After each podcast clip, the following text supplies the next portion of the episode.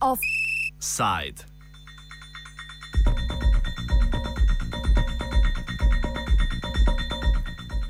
V Lendavi poteka protest proti izkoriščevalskemu odnosu, ki ga podjetje Nafta Petrokem vzpostavlja s svojimi zaposlenimi.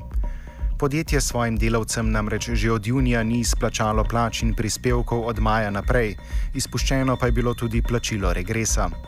Protest, ki ga stavkajoči delavci v družbi civilne inicijative za podporo delavcem Lendavske nafte naslavljajo na podjetje, je podal določene zahteve. Te nam je v izjavi artikuliral predsednik stavkovnega odbora Ladislav Šabjan. Naše zahteve so sledeče. E, e, zahtevamo dve, dve plači v kompletu, se pravi tudi za prispevki, to je za eh, plača za juni in julij. Zahtevamo tudi regres, zahtevamo pa, pa tudi med prvim, eh, da eh, zagon proizvodnje.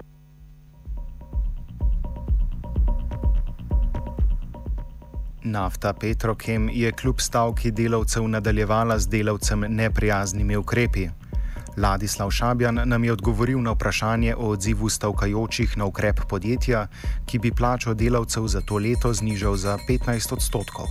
Mi smo, mi smo na začetku na, na to ponudbo, da se zniža nam plača za, štiri, za določene štiri mesece po, za 15 odstotkov. Mi smo to celo v enem uh, sporazumu sprejeli samo eh, pod tem pogojem, da, da ko se izboljša situacija v firmi, se pravi naslednjo leto, ker gre se za učinek, ne, potem, bi, potem bi naslednjo leto do konca leta eh, ta 15%, kar bi zdaj mi vložili, da bi se nam to povrnilo. Poslovodstvo o tem niti slišati noče. On, oni, oni bi kar, da, da mi na to, ta denar pozabimo. E, to pa ne bo šlo in to za nas ni sprejemljivo.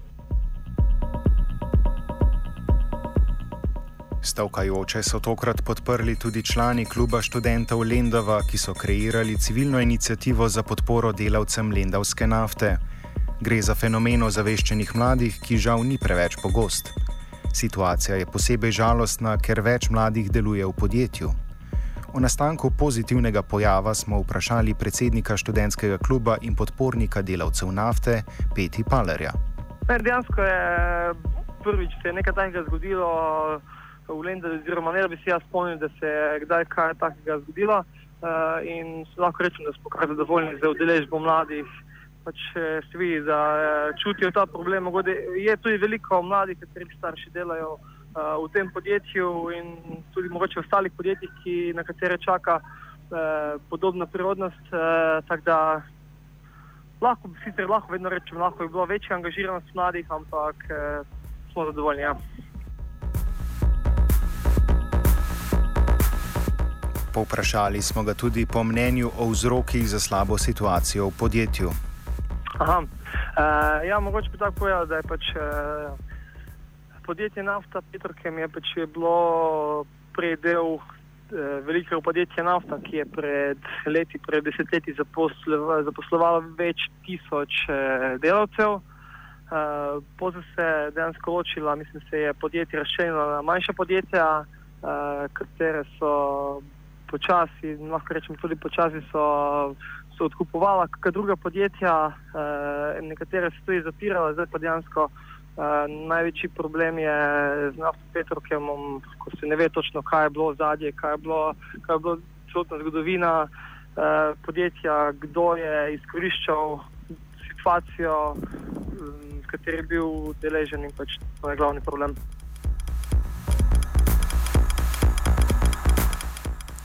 Strani delavcev je med drugim prišla zahteva, da slovenski državni holding prispeva denar za ponovni zagon podjetja. Po mojem bi lahko naredili več, po mojem, ima kot sam holding, kot samo država, imajo sredstva, da bi lahko rešili podjetje, oziroma vsaj eh, posodili podjetju nek denar, mogoče tudi ob enem nadzorovali bodoče vodstvo, ki bi, eh, ki bi vodilo podjetje. Uh, in pač po mojem je še, je, še, je še upanje, da bi se pač, uh, podjetje postavilo nazaj na svoje noge in bi uh, lahko začeli normalno delovati. so pač problemi z, z tem osnovnim kapitalom, oziroma s tem kapitalom, ki, katerega trenutno ni, ki je potreben, da se podjetje ponovno postavi na svoje noge. Ja, ponovno postavi na svoje noge. Petrokem nafta pa ni edino podjetje v Lendavi, ki je zašlo v finančno stisko. Samo v tem kraju je namreč v zadnjem času šlo v stečaj 135 podjetij, na cesti pa končalo okoli tisoč delavcev. O situaciji, ki je vsak dan slabša, nam spregovori Ladislav Šabjan. Ja, leta in leta nam eh, tovarne propadajo, in, in to enostavno ne vem, eh, zakaj ni rešitve. E, tu, tu te državne firme, kaj so, kot pravim, gledajte, prekmurje je specifično. V prekmurju sa, samo te državne firme lahko rečem, da so skoraj vse že propadle. Zelo malo nas je ostalo, še koliko toliko, pa, pa smo mi tudi tri tedne že v, v stavki. Tu je, tu je zelo veliki problem in zelo veliki problem je to, da, da naši otroci so na cesti in, in če imaš šolo ali nimaš šolo, si na istem. Enostavno delovno mesto ne najdeš. In zato se moramo mi, mi skup držati, da, da koliko toliko delovna mesta obdržimo.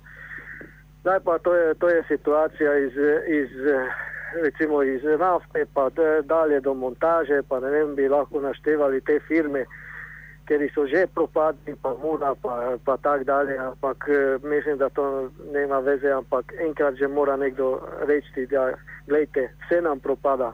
Ne samo mi, tovar, eh, tovarne tu, ampak cela država.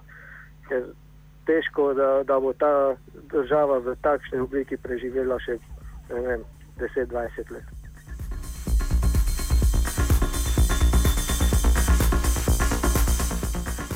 Ko se govori o problematiki propada podjetij, neizogibno pride do vprašanja o odgovornosti za propad.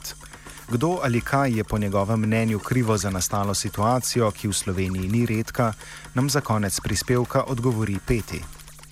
Ja, dejansko v teh eh, podjetjih, kot tudi nafta, Petrke in ostalih podjetjih, pač eh, niso, niso, po mojem, krivi samo ena oseba oziroma direktor, ampak pač tu je celotno zadevo tudi spleten, celotno vodstvo, glavni odbor, nadzorni odbor, pa če razni zbori, ki obstajajo, ki so med sabo tudi nekaj čim povezani, mogoče tudi um, kakšni bivši ministri, uh, ki so vedli o zadevah, vedli o načrtih in to niso uh, pravočasno, niso, niso tega pravočasno prekinili.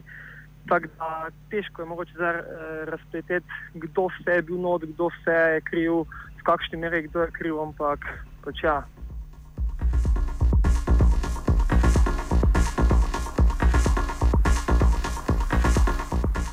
Offside je pripravil vajenec Matija. Dear listeners, you are listening to Radio Student, one of the best radios in Slovenia region. We are offering you a lot of uh, good music and a lot of uh, new news. Thank you very much for listening us.